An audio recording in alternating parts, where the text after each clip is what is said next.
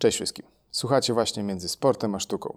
Ja jestem Bezi, Dawid Bugryn, a to mój podcast, w którym będziecie mieli okazję posłuchać rozmów z ludźmi, którzy reprezentują wszelakie sporty i sztuki walki.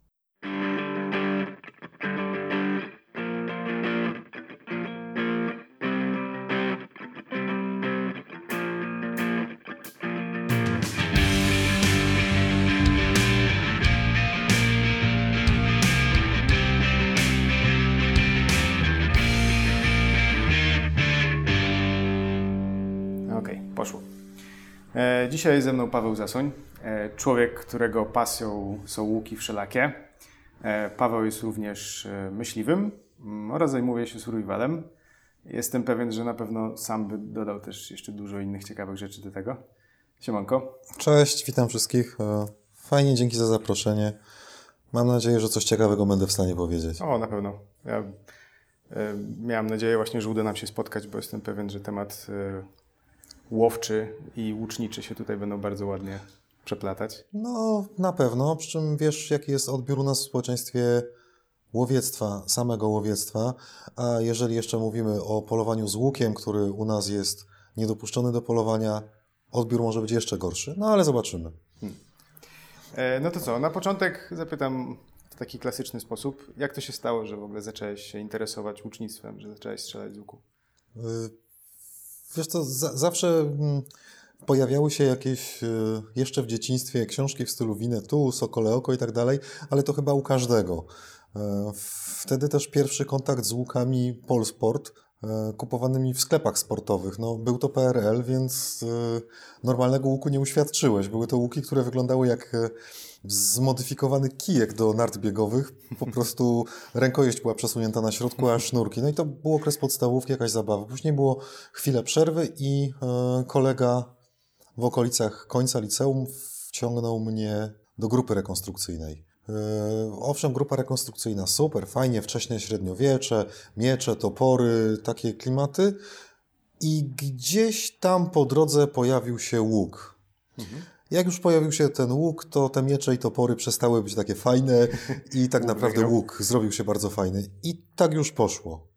E, Przede wszystkim początkowo rekonstrukcyjnie, e, później coraz bardziej zaawansowane konstrukcje łuków, czyli przeszliśmy od tych takich typowo tradycyjnych łuków do mm, bardziej współczesnych konstrukcji, które e, potocznie zwanych hunterami czy berbołami, e, gdzie ramiona są z nowoczesnych materiałów, y, z odpowiednia rękojeść, czyli majdan tego łuku, jest zupełnie inny chwyt, jest półka na strzałę, y, aż doszło to wszystko do łucznictwa sportowego. Pojawiły się łuki bloczkowe, najpierw myśliwskie, później sportowe i teraz tak naprawdę to Strzelasz ze wszystkiego. tak po kawałku z wszystkiego, dosłownie, no tak. Czyli generalnie zaczynałeś od e, strzelania takiego rekreacyjnego? Tak, było to raczej rekreacyjne strzelanie. No, na pewno rekreacyjne. No, rekonstrukcja, no to inaczej tego nie można nazwać. A w którym momencie zacząłeś brać udział w turniejach? Czy to jeszcze w rekonstrukcji brałeś? Czy To jeszcze w rekonstrukcji, a później miałem przerwę, dlatego że y, turnieje wróciły razem z łukiem sportowym. Ja jakoś nie odczuwam strasznej potrzeby rywalizacji i sprawdzania, jak strzelam, czy jestem w stanie trafić. Ja wiem, że trafiam, wiem, że strzelam i nie mam potrzeby brania jakiegoś czynnego cały czas w turniejach. A kiedy w tym wszystkim pojawił się survival? Czy to było jakoś połączone z łucznictwem, czy to zupełnie inna bajka? Yy, wiesz co, survival przyszedł raczej razem z grupami rekonstrukcyjnymi, bo to kiedyś ludzie żyli inaczej. Yy, To, co my nazywamy teraz survivalem, dla nich było często codziennością. I tak jedno z drugim się zaziem- zębiło, yy, później się oddzieliło. Przestałem brać udział w grupach rekonstrukcyjnych, powstało nasze stowarzyszenie miłośników survivalu i tak jakoś poszło. Poznając różnych ciekawych ludzi, uczyłem się e, nowych rzeczy i związanych z survivalem, i z łucznictwem, i z łowiectwem, bo to łowiectwo gdzieś tam zawsze się przeplatało, też od przedszkola, od bajki o leśniczym, czeskiej bajki o leśniczym, którego imienia nie pamiętam, ale to już wtedy jakoś tak zakiełkowało, że chciałem zostać myśliwym. I moja droga do tego łowiectwa naszego e, polskiego, takiego tradycyjnego, jest kompletnie długa, jest kompletnie naokoło, bo najpierw było łucznictwo, później e, międzynarodowe uprawnienie do polowania z łukiem, a dopiero później, na samym końcu, Polski Związek Łowiecki i, i tradycja nasza tutaj. Więc tak troszeczkę naokoło, a wszystko zaczęło się z łowiectwem tak jakoś dziać dwadzieścia parę lat temu, kiedy znalazłem sowę, piskle sowy, które zaniosłem do pana profesora Bączara, w tej chwili już niestety świętej pamięci. I wtedy mi powiedział, że mógłbym iść e, na Akademię Rolniczą do niego, bo mam rękę do ptaków. No tak, miałem rękę do ptaków, sowa się odchowała, e, odleciała na wolność. Była bardzo, bardzo długa przerwa, e, kiedy nie wracałem do tematów łowieckich i tak dalej, aż w końcu po zdaniu licencji, licencji myśliwego łucznika znowu spotkałem pana profesora Bączara, który po tych nastu latach wtedy pamiętał mnie, że ja do niego wtedy przyszedłem z sową. I w tak na Hubertusie Myśliwskim, na jednej z imprez tutaj Hubertusie Krakowskim, tak się uśmiechnął, haha, znowu się spotykamy, widzę, że jest pan myśliwym musznikiem, to teraz już chyba tylko pora na Polski Związek Łowiecki. No i tak prorocze słowa, bo musiało minąć znowu parę lat, żebym zdał ten egzamin łowiecki i przystąpił do zrzeszenia. Czyli tutaj warto zaznaczyć, że myśliwy to nie tylko osoba, która strzela.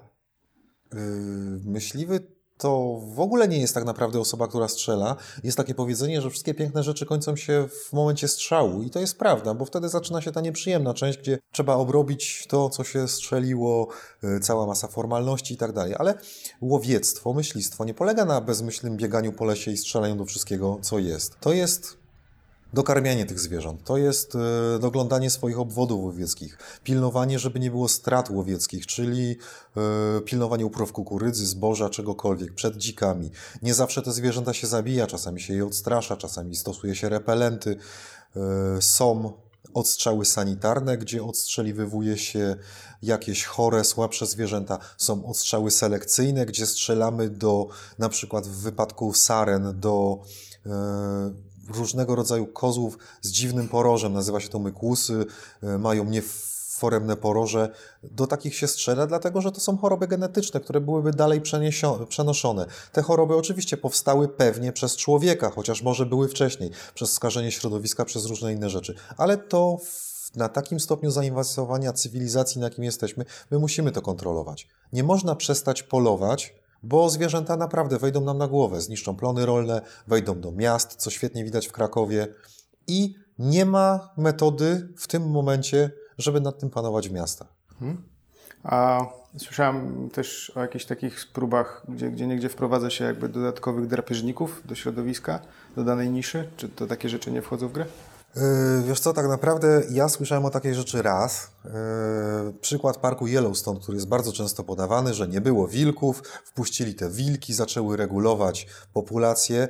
Może, ale tam też są odstrzały selekcyjne, tam też się pilnuje populacji tego wilka przede wszystkim, nie zostawia się go samemu sobie. Yy, Szwecja również kontroluje poziom drapieżników u siebie poprzez polowania. Trzymają stałą populację. Oczywiście drapieżniki radzą sobie z utrzymaniem populacji danych innych gatunków, ale co w momencie, kiedy tego drapieżnika jest za dużo i zje wszystkie sarny i jelenie? Co wtedy? Przesuwa się w drugą stronę. Wszystko idzie w drugą stronę. E, właśnie kojarzę taką sytuację, że mm, pojawiają się takie zamieszania w związku z tym, że na przykład w tym roku postanowiono odstrzelić tam wiem, 10 tysięcy dzików, czy jakieś liczby idące w tysiące.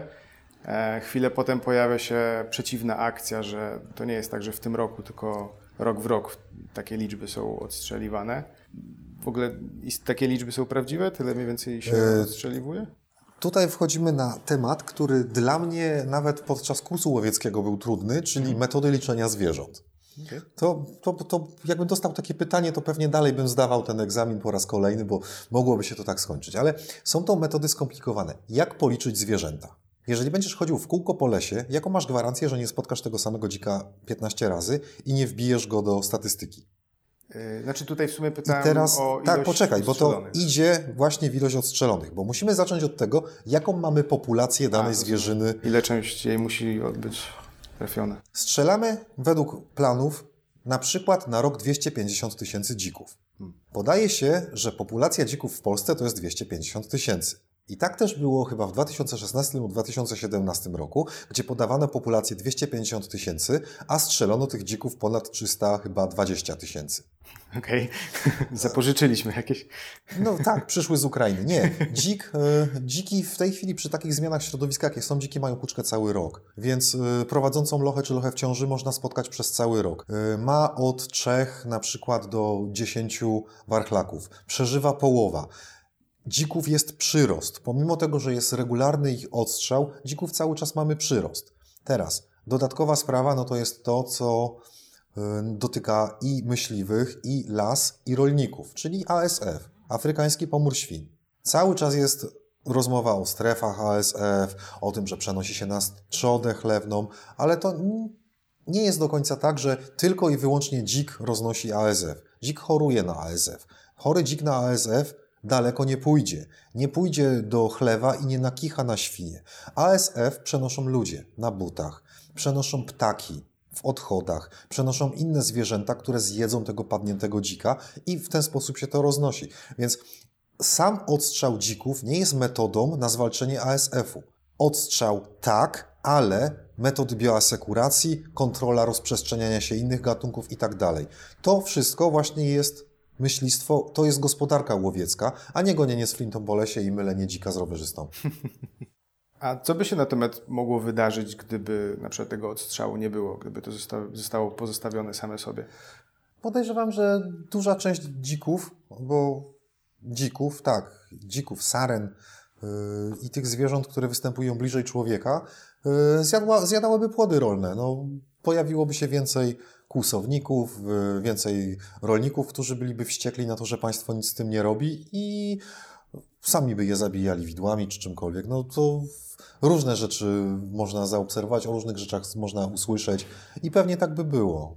A jak sobie, jak to wyglądało na przykład w wcześniej, w sensie nie wiem, 100 lat, 200 lat temu, czy w średniowieczu, to też istniała wtedy instytucja e, łowczego, który to kontrolował, czy wtedy nie wiem, rolnik sam z widłami przeganiał dziki z pola? Yy, wiesz, w średniowieczu było mm, społeczeństwo kastowe.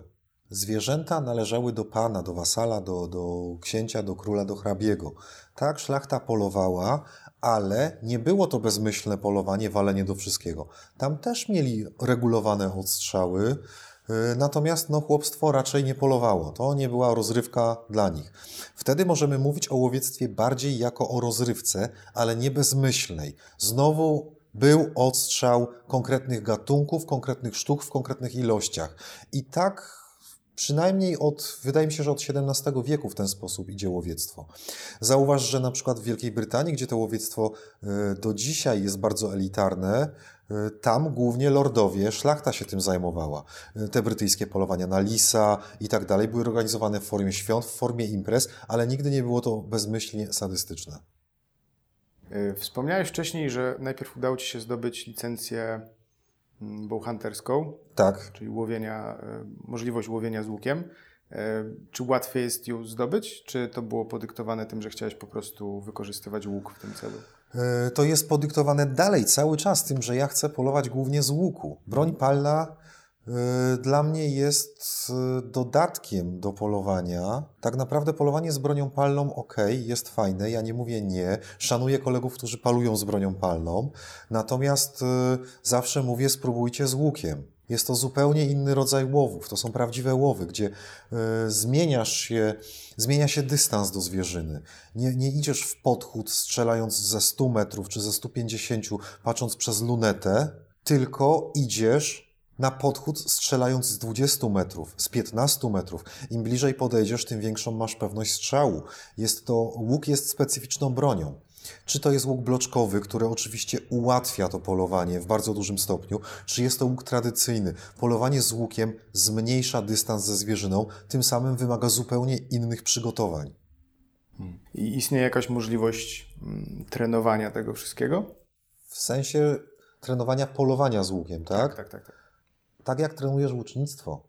Przede wszystkim, żeby polować z łuku, musisz znać podstawy łowiectwa, musisz znać anatomię zwierząt, wiedzieć, gdzie trafisz. Musisz, nie pójdziesz. Yy... Człowiek z ulicy, nawet jeżeli będzie dobrym łucznikiem, nie znając anatomii zwierząt, nie będzie wiedział, gdzie strzelić, żeby to zwierzę zabić maksymalnie szybko. Strzela się na komory, czyli na serce, na płuca. y, taki strzał bardzo często przechodzi bez reakcji zwierzyny. Y, są w internecie, na YouTubie można znaleźć postrzały u jeleni, u łosi, gdzie strzała przechodzi przez niego, a on wraca do czynności, którą się zajmował wcześniej, czyli na przykład do jedzenia, mija paręnaście sekund, on się wykrwawia. Strzała z łuku zabija poprzez wywołanie ogromnego krwawienia. Serce, płuca nie są unerwione.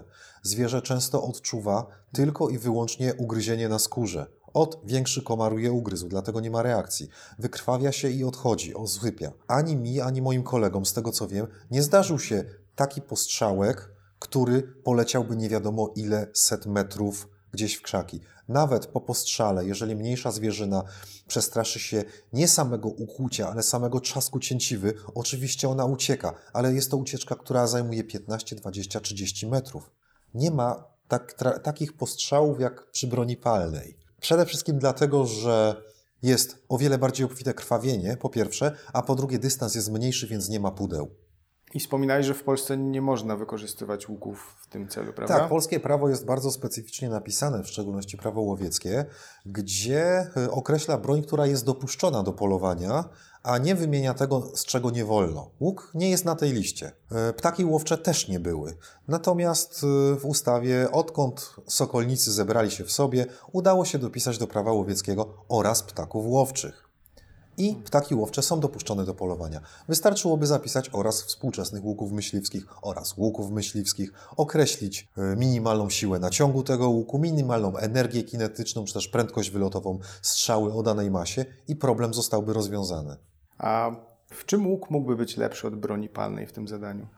Bo jednak broń palna jest no, nowszą technologią, więc pytanie, czemu ktoś miałby się cofać? Bo łuk zawsze był narzędziem polowania. Przynajmniej taka jest moja teoria. Mhm. Oczywiście historycy mogą się ze sobą pokłócić, ale nawet pierwsze malowidła naskalne, które widzimy, nie przedstawiają wojen plemiennych, tylko polowanie na zwierzęta. Nie są to jakieś bardzo stare malowidła, bo to jest 18-20 tysięcy lat temu.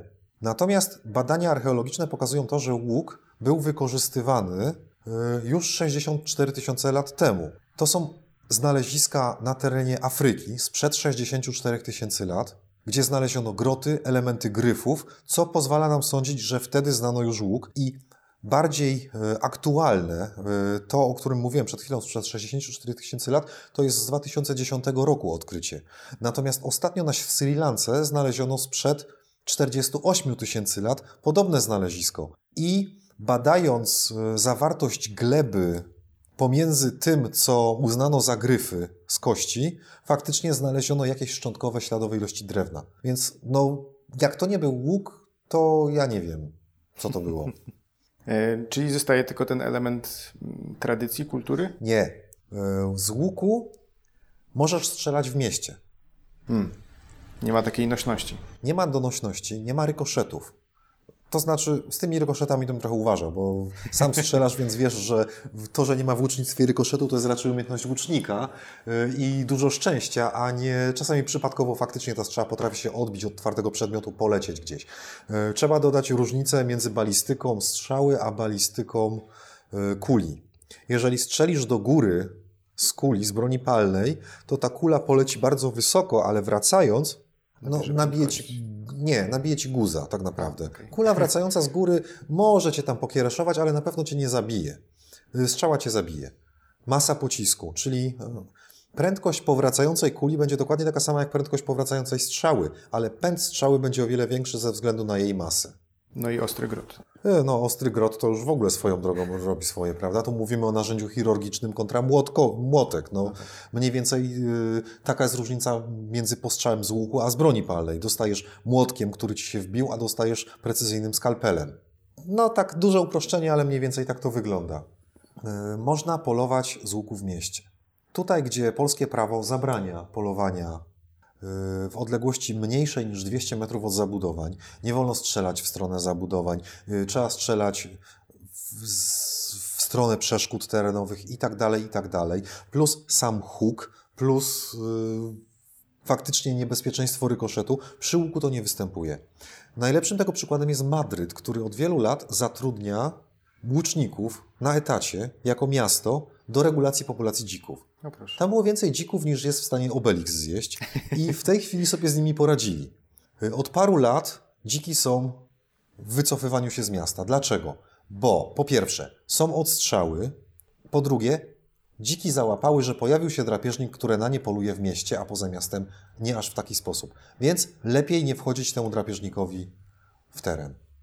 Idą za tym inne hiszpańskie miasta. Madryt był pierwszy, był takim miastem doświadczalnym, ale w Hiszpanii idą za tym inne miasta. Zresztą Hiszpania jest specyficzna, bo tam y, nawet z rochatyną się poluje na dzika, więc mają tą tradycję łowiecką bliższą toreadorom niż cokolwiek innego. Ciekawe. Okej, okay. chciałem wrócić jeszcze do tego łucznictwa bardziej sportowego. Czy mógłbyś przybliżyć nam to, jak generalnie wygląda łuk sportowy, bo zakładam, że dla większości osób łucznictwo kojarzy się jednak e, patyk plus, plus sznurek, Robin Hood i te sprawy. Ale to dalej jest patyk i sznurek. Słuchaj, to podstawą w każdym łuku, nawet bloczkowym, jest mimo wszystko patyk i sznurek. E, ten patyk może mieć dziwny kształt, być zmodyfikowany, może mieć dodane jakieś kółka i inne wydziwiane rzeczy, mimo środy, dodatkowe kable odciągowe, ale zawsze jest gdzieś ten materiał, który ci magazynuje energię, czyli ramiona, i zawsze jest to, co przenosi tą energię na strzały, czyli cięciwa, więc patyk i sznurek. W łucznictwie sportowym, czyli w tym łuku olimpijskim, klasycznym, do normalnej konstrukcji, czyli majdan, ramiona, jest dodany celownik. Plus y, różnego rodzaju stabilizatory, ciężarki, które mają pomóc łucznikowi w utrzymaniu równowagi, w utrzymaniu odpowiedniej postawy, w uwolnieniu tej strzały w prawidłowy sposób. E, w łuku sportowym mamy celownik, przy czym nie mamy w klasycznym łuku przeziernika żadnego. Więc celowanie polega na tym, że ustawisz sobie celownik i tylko i wyłącznie przez powtarzalność Twojej postawy jesteś zawsze w stanie strzelać punkt w punkt, ponieważ tu, gdzie zakotwiczysz strzałę przy twarzy poprawnie, wtedy tworzy Ci się poprawna linia celownicza. Jeżeli przesuniesz rękę góra, dół, prawo, lewo, no to wiadomo, linia celownicza Ci się zmienia. Inną sprawą jest łuk bloczkowy, też sportowy, gdzie już jak sam wiesz, y, używasz spustu, masz celownik i masz przeziernik. Czyli coś, co przypomina muszkę szczerbinkę w broni palnej. Tak, warto jeszcze tylko zaznaczyć, że przeziernik to jest takie kółeczko, które pozwala nam patrzeć przez cięciwe.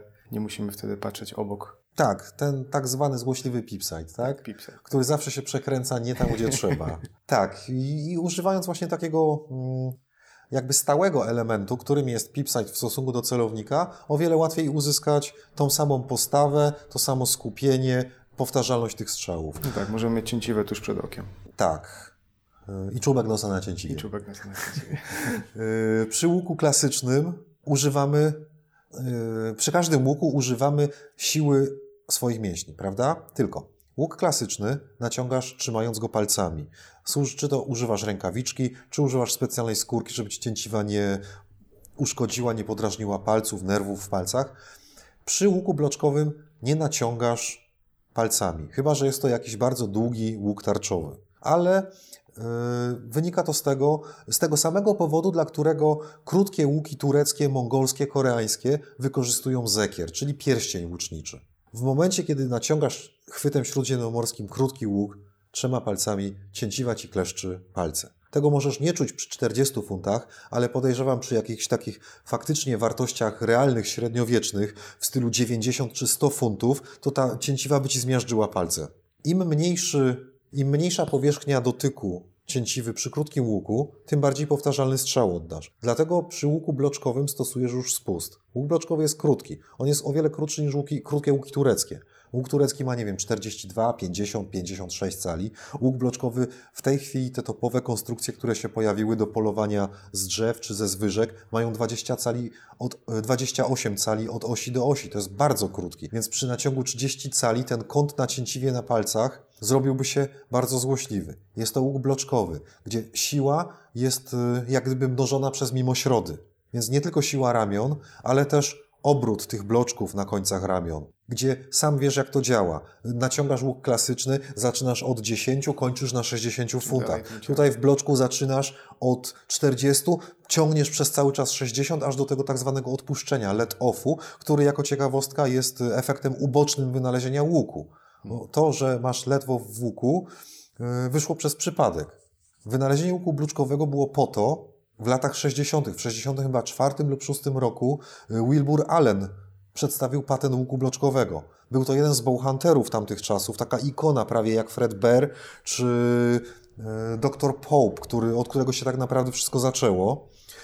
On szukał metody przyspieszenia wyjścia strzały, ponieważ przy jeleniowatych jest zjawisko string jumpingu, czyli e, tak zwany po polsku niezbyt szczęśliwe tłumaczenie, ale skok ucieczki. W momencie, kiedy zwierzę słyszy świst cięciwy, pada na przednie nogi, na przednie cewki i strzała jest nad nim w stanie przelecieć. U jeleniowatych zajmuje to jedną dziesiątą sekundy, strzała z łuku leciała dziesiąte sekundy. Rachunek prosty, szukamy szybszego rozwiązania. Więc mimośrody, które zawsze ludzie znali, że dzięki mimośrodom jest coś łatwiej, szybciej, zamontował te mimośrody do łuku. Najpierw nie były mimośrodami, były to po prostu kółka, które jak gdyby na zasadzie blo faktycznie bloczka takiego odciągowego działały. I okazało się, że strzała wylatuje szybciej. Chciał jeszcze szybciej.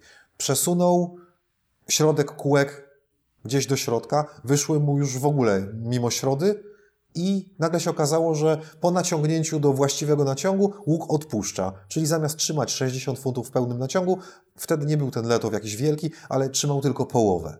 I od tego poszła już technologia do przodu, do przodu, do przodu. Coraz większy letow, coraz krótsze łuki, coraz mocniejsze łuki i coraz łatwiej jest je utrzymać, bo nie naciągnąć. Naciągasz zawsze tyle, ile oddajesz. Ale utrzymać już jest o wiele łatwiej po przeskoku tych mimośrodów. No tak, nie musimy na przykład 10 sekund stać w pełnym naciągu. E, I łuk sportowy czym się różni, różni od e, bloczkowy łuk sportowy? Mówimy o klasycznym, olimpijskim. Teraz łuk sportowy bloczkowy na pewno jest dłuższy. Wykorzystuje się podobnie długie stabilizatory jak w łukach klasycznych, czyli przed łucznikiem taka tyczka sobie sterczy.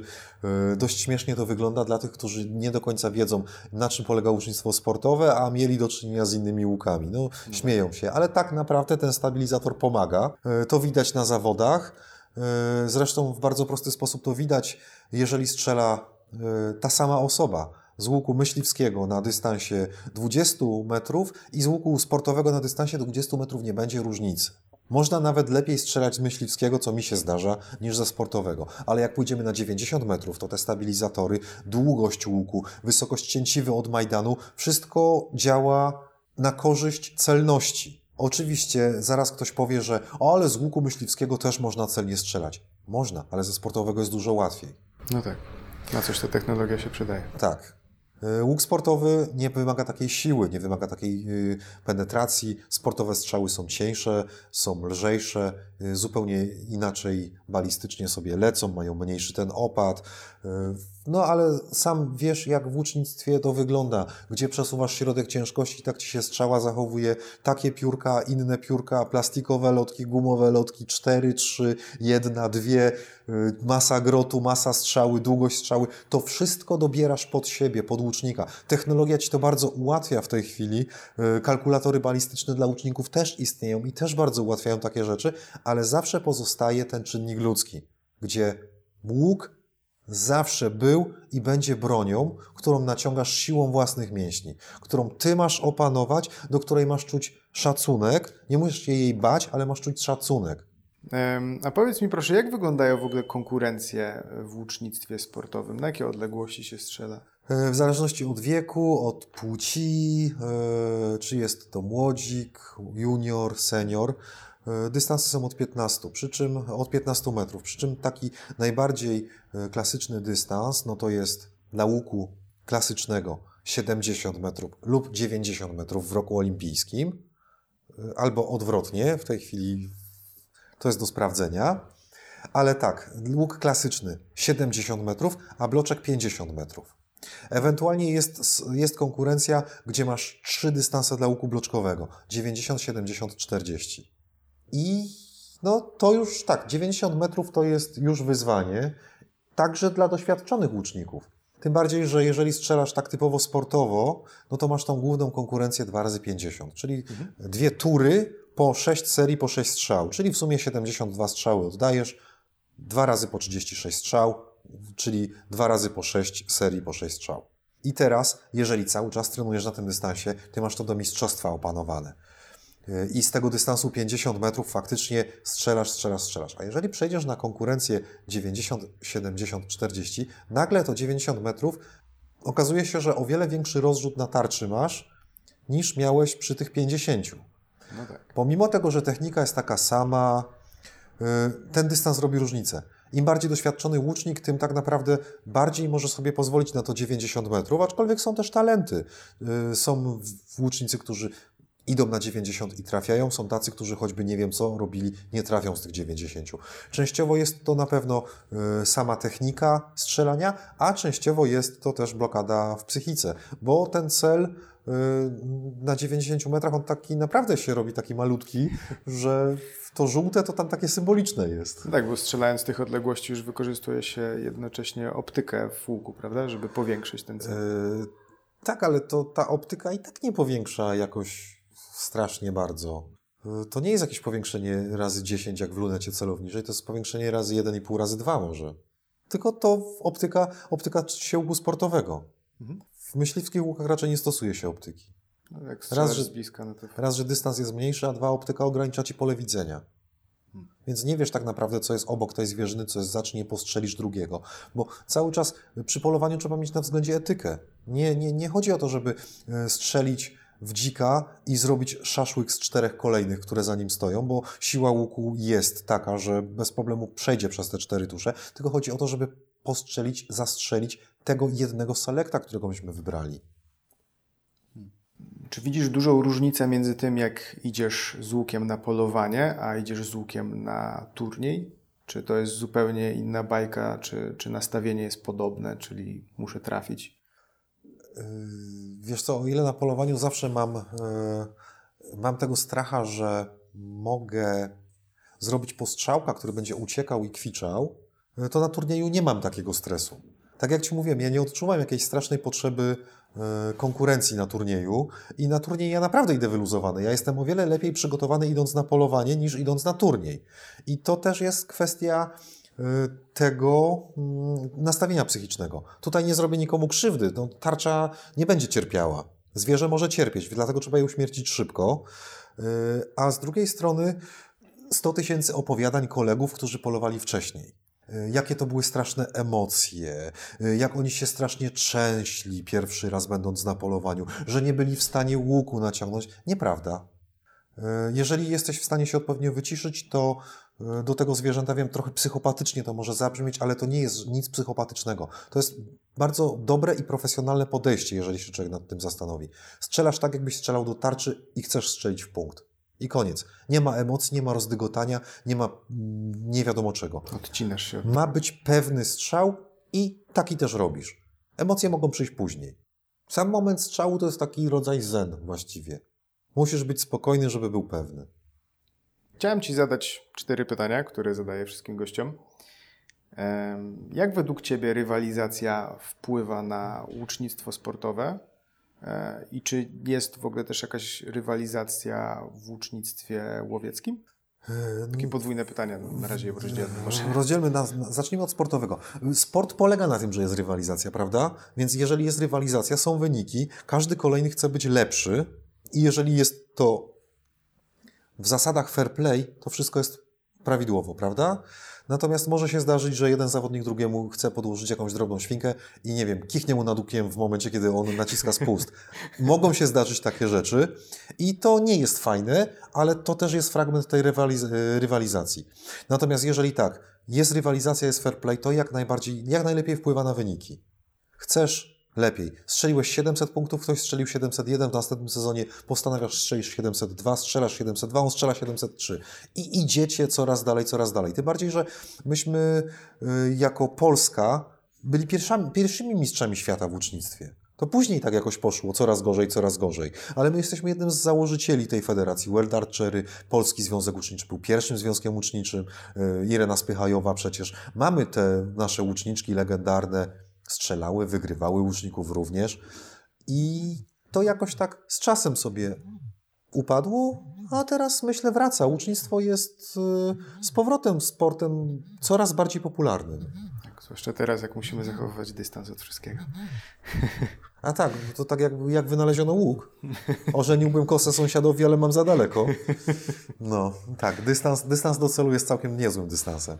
I, I tak, to wpływa jak najbardziej pozytywnie. Rywalizacja na sport wpływa jak najbardziej pozytywnie. Y, Czy wpływa na łowiectwo? Myślę, że rywalizacja na łowiectwo nie powinna wpływać przy strzelaniu z łuku. To nie, jest, to nie są zawody, to nie jest jakiś konkurs o największego byka czy dzika.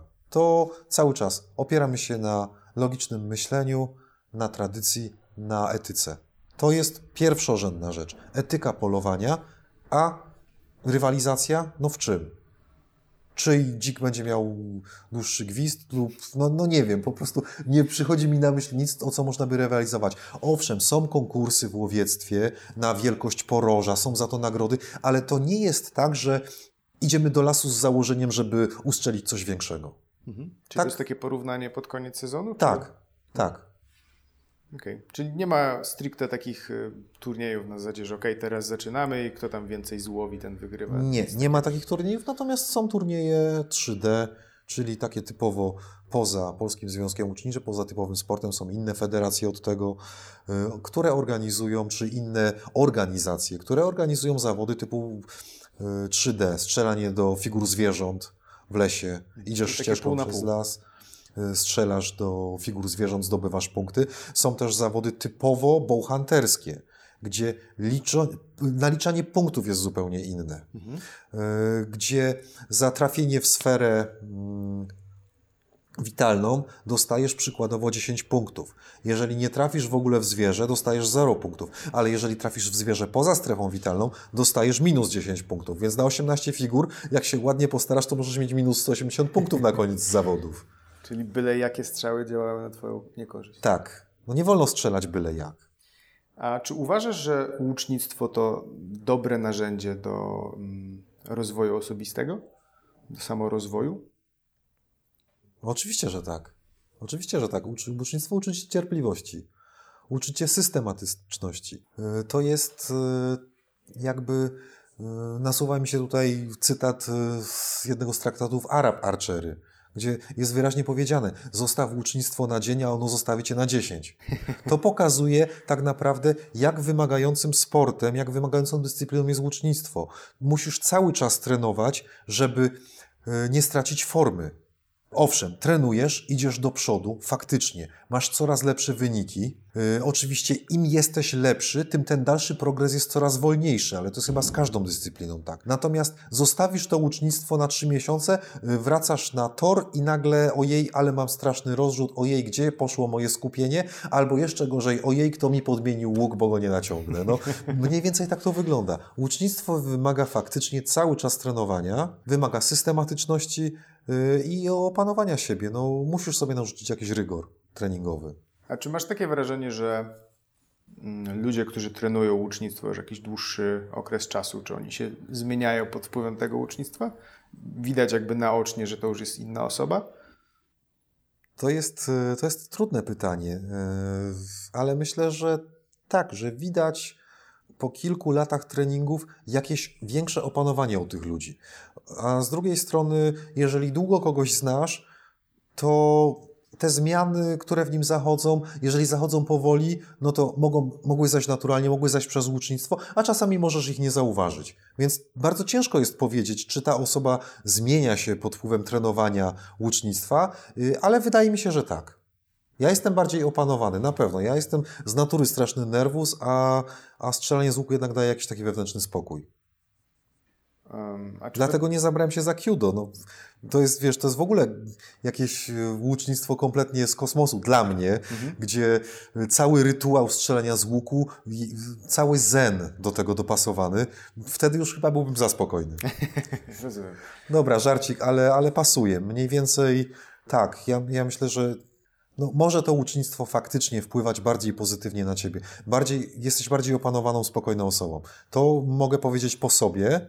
Yy, a tak mi się skojarzyło z Kyudo, bo to jest takie inne trochę. No tak, jest to jednak sztuka walki, która jest znacznie bardziej nastawiona na samodoskonalenie niż yy, czysto fizyczną skuteczność. Nie? Chociaż tak. oczywiście nie da się być skutecznym w sporcie bez yy, zmiany, może nawet nie charakteru, ale, ale mentalności.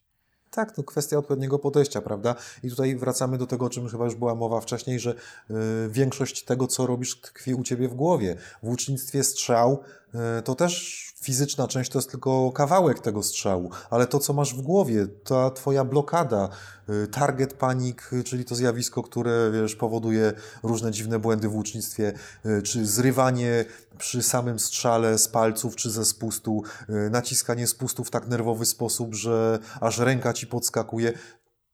Jeżeli nie jesteś opanowany, nie jesteś spokojny, nie jesteś w stanie dobrze strzelić. Tak, to prawda. Jako niechlubny posiadacz target panic mogę powiedzieć, że e, fizyczne nauczenie się strzelania, czy też techniki strzelania to jest tylko wierzchołek góry lodowej, a cała reszta to jest mentalność i, i psychika samego strzału. No tak, to prawda. Czy uważasz, że sztuki walki i sporty walki, mm, tutaj w pewnym sensie można nawiązać do tego łucznictwa sportowego i łucznictwa łowieckiego, czy te rzeczy powinny się jakoś przeplatać, czy można je mm, jakby postawić obok siebie, czy, czy, czy jednak trzeba uważać z tym, żeby to się nie plątało, bo wynik będzie gorszy dla jednego i drugiego? No ale nie powinien być wynik gorszy ani dla jednego, ani dla drugiego. Jeżeli mówimy o łucznictwie, to łucznik sportowy będzie dobrym łucznikiem. Jeżeli przejdzie na inny łuk, trochę potrenuje, bez problemu sobie z nim poradzi. W drugą stronę może być troszeczkę inaczej, bo jednak łuk sportowy e, Sportowe strzelanie jest e, troszeczkę inne niż to myśliwskie, które według mnie na tych krótkich dystansach jest prostsze, ale łucznik Bowhunter również poradzi sobie w końcu z łukiem sportowym. Problem u nas w Polsce, problem jest inny. Znowu chodzi o ustawodawstwo.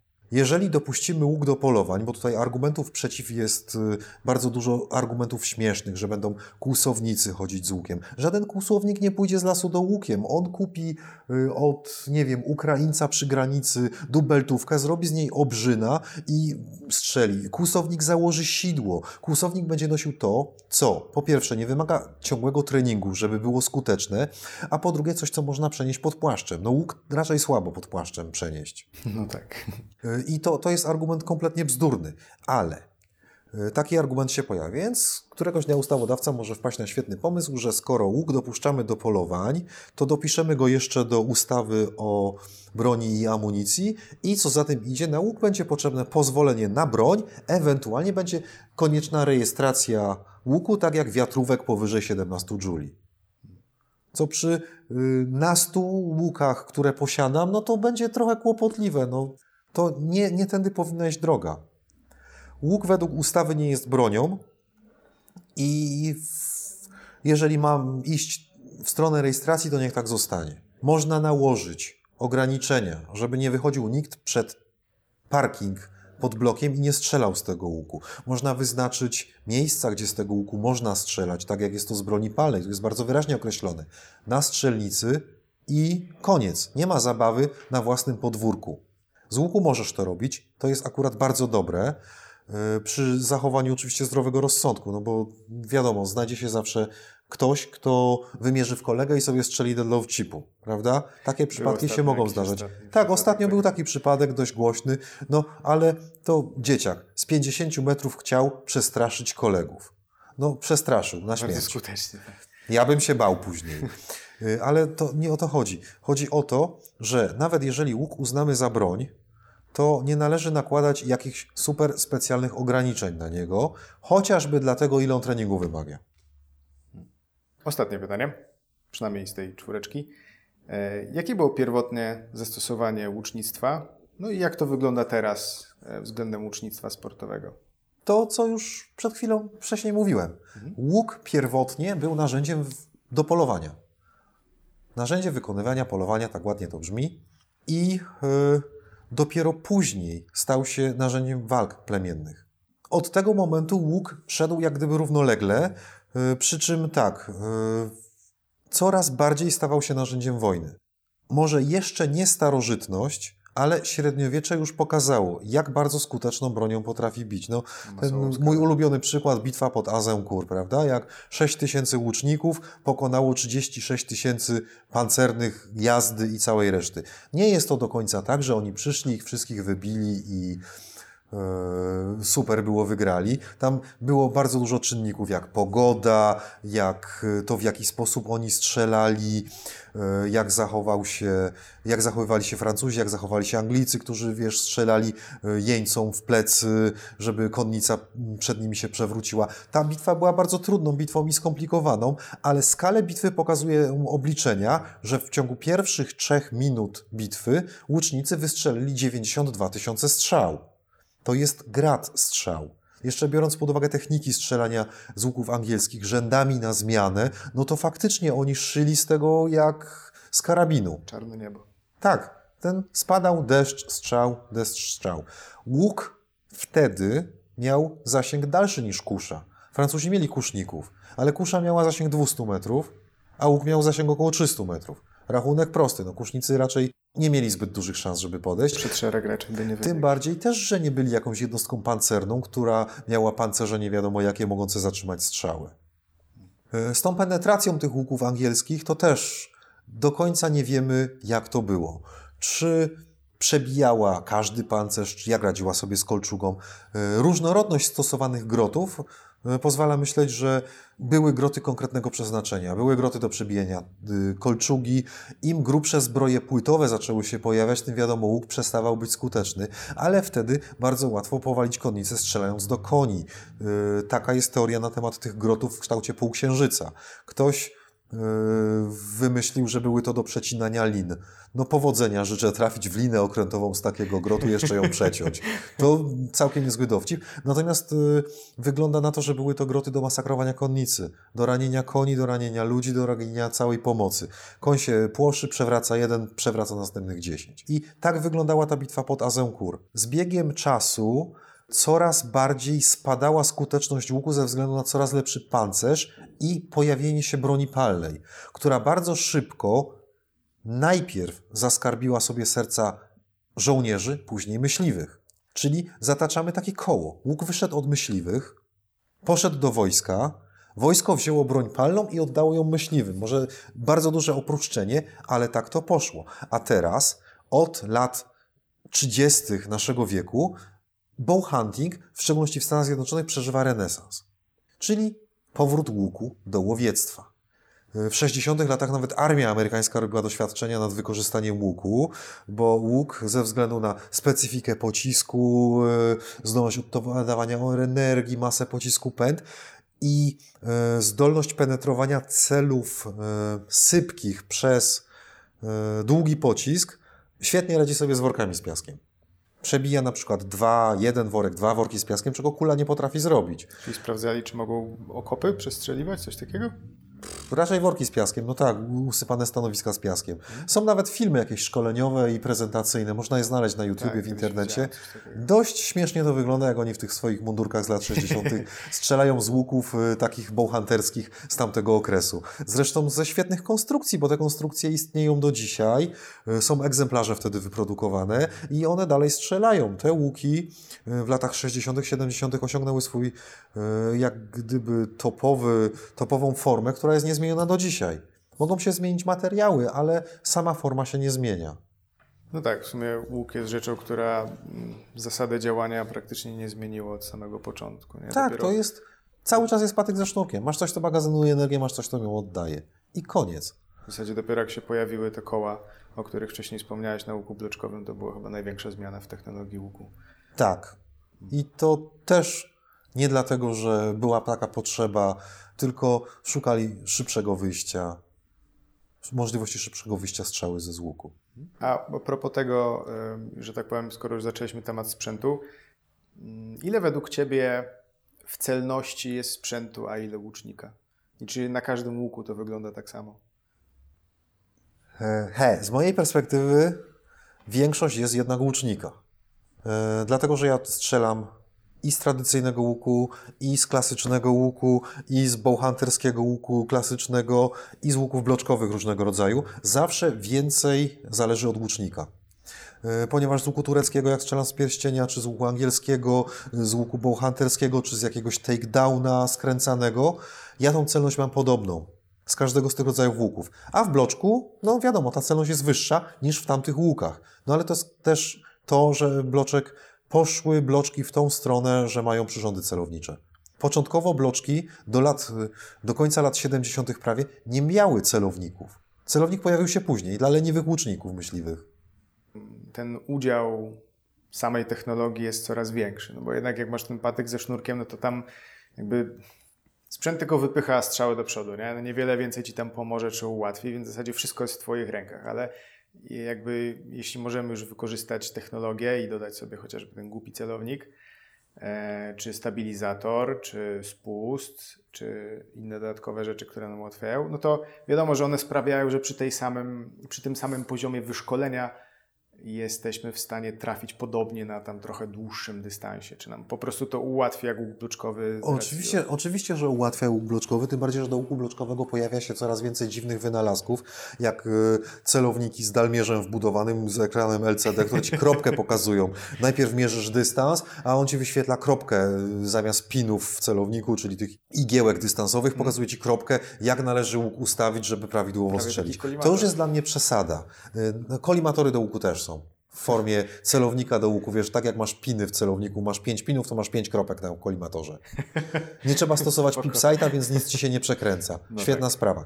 Y, ale to tak w ramach ciekawostki. Według mnie łucznik strzela z łuku tradycyjnego i potrafi strzelać z bloczka. Bez problemu. Łucznik bloczkowy, który bierze łuk tradycyjnych, naprawdę można się z niego nieźle pośmiać. No tak, jednak łuk bloczkowy dużo ułatwia, więc jak tak, nagle to ułatwienie Znam bardzo dużo doskonałych łuczników bloczkowych, którzy po wzięciu do ręki łuku tradycyjnego y, potrafią zrobić zero punktów. o, możesz tak to nie.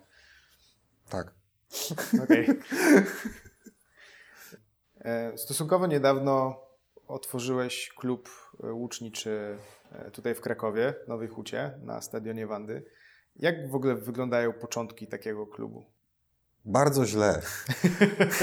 w szczególności, że trafiłem z otwarciem e, sekcji uczniczej na KS Wanda Kraków e, w bardzo specyficzny rok, który no tak. utrudnił zrobienie wszystkiego, czegokolwiek. Generalnie, jeżeli klub sportowy istnieje, problem jest mniejszy. Rejestrujesz go w Polskim Związku Łuczniczym. E, jest to procedura, która wymaga trochę czasu, wypełnienia dokumentów, ale okej. Okay każdego, jeżeli już zarejestrujesz, zgłaszasz trenera, występujesz, e, jeżeli masz zdany egzamin, na, posiadasz dyplom trenerski PZ Łuczu, występujesz o licencję trenera, zaczynasz trenować ludzi. Zbierasz sekcję, ogłaszasz to. E, ten rok jest o tyle trudny, że no, Mieliśmy zrobić na wiosnę nabór młodzików, juniorów. To nie wyszło, dlatego że było wszystko pozamykane, więc mamy drużynę seniorów, nawet dwie drużyny seniorów, przy czym senior to nie jest takie 70, plus, tylko senior to jest 18, plus, więc nie róbmy nie taki senior. strasznych dziadków, prawda? To godziny dla seniorów nas nie obejmą teraz. Yy, I wypadałoby od przyszłego roku zacząć już faktycznie startować w zawodach jako KS Wanda i pokazać, że pomimo tego, że początki były trudne, rok był trudny, to potrafimy coś strzelać. Tym bardziej, że mam paru dobrych zawodników. I myślę, że może jeszcze nie indywidualnie, ze względu na braki w samych treningach, w samym doświadczeniu, jak i na braki sprzętowe, że my tak naprawdę celu trenujemy na tym, co kupiliśmy lub zdobyliśmy sami. To, co nam się udało zrobić, to własne maty, e, na które nie było pieniędzy, e, maty, które były pożyczone z innego klubu, z Więcławic, no musieliśmy niestety zwrócić.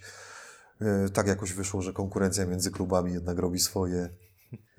No cóż, no przykre to, ale, ale radzimy sobie całkiem fajnie. To idzie do przodu i myślę, że w przyszłym roku pokażemy na co nas stać. W przyszłym roku też, jeżeli, miejmy nadzieję, sytuacja, która e, zamyka wszystkich w domach i zamyka wszystkie kluby, troszeczkę się zmieni. Przyjdzie do nas trochę młodzików, będziemy mieli młodzików, juniorów, zaczną trenować z nami i w przyszłym roku jakieś zawody mogą należeć do nas. Jeżeli indywidualnie, to drużynowo, bo jako drużyna naprawdę bardzo fajne wyniki jesteśmy w stanie uzyskiwać, przynajmniej na treningach. Natomiast jak to wyjdzie na zawodach realnych, no może być różnie, ale ja jestem dobrej myśli. Bardzo fajni ludzie przychodzą, bardzo fajni ludzie e, trenują, polubili się, współpracują ze sobą, pomagają sobie nawzajem. Nie ma wewnątrzklubowej niezdrowej konkurencji w tej sekcji. Jest kupa śmiechu, jest kupa dyscypliny, bo to jednak musi być na treningu, ale też mm, jest wesoło. Jest wesoło, jest pozytywnie. E, pisała już o nas prasa. Zresztą jesteśmy pierwszy raz w historii Nowej Huty sekcją łuczniczą. Nigdy wcześniej w Nowej Hucie łucznictwa nie było. Tak? Nic za nic? Nic. Żaden z klubów, ani Hutnik, ani e, Wanda, ani jakieś inne mniejsze kluby tutaj nie miały sekcji łuczniczej.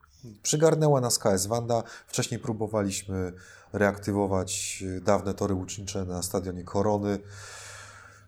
No niestety nie wyszło. Tam wymagało to za dużych nakładów finansowych, e, pomocy ze strony miasta, czy z jakiejkolwiek strony, no nie było. Ogarnialiśmy to sami i to nie jako klub sportowy, tylko jako stowarzyszenie. To było po prostu nieopłacalne. Szkoda terenu, bo teren piękny, ale no niestety poszedł na zmarnowanie, na zamknięcie.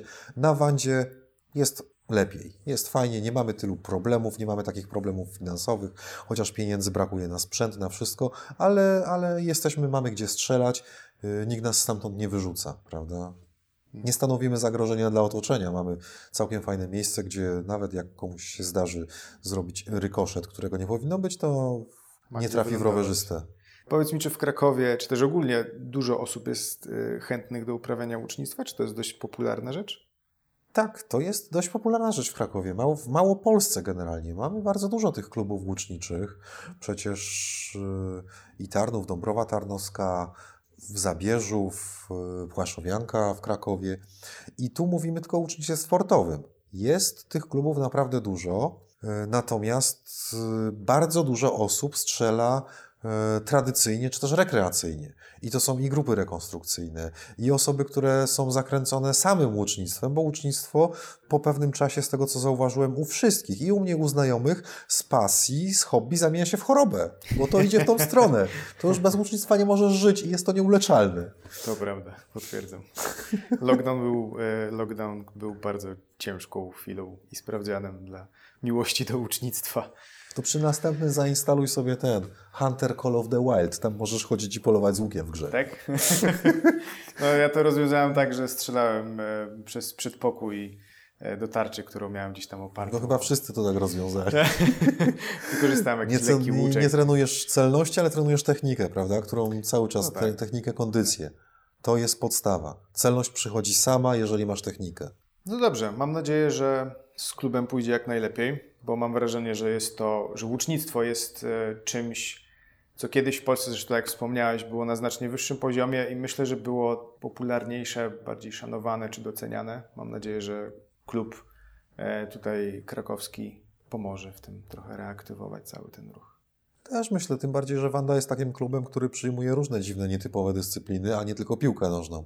Więc w tym jest nadzieja. No i w- może wreszcie ktoś we władzach miejskich czy dzielnicy, cokolwiek, dostrzeże inne możliwości niż y, kopanie biednej piłki, która nic nikomu nie zawiniła. Dobra. E, Bardzo Ci dziękuję za rozmowę. Myślę, że materiał będzie dość ciekawy. E, No i co? No i oby do następnego razu. Oby do następnego razu. Dziękuję również.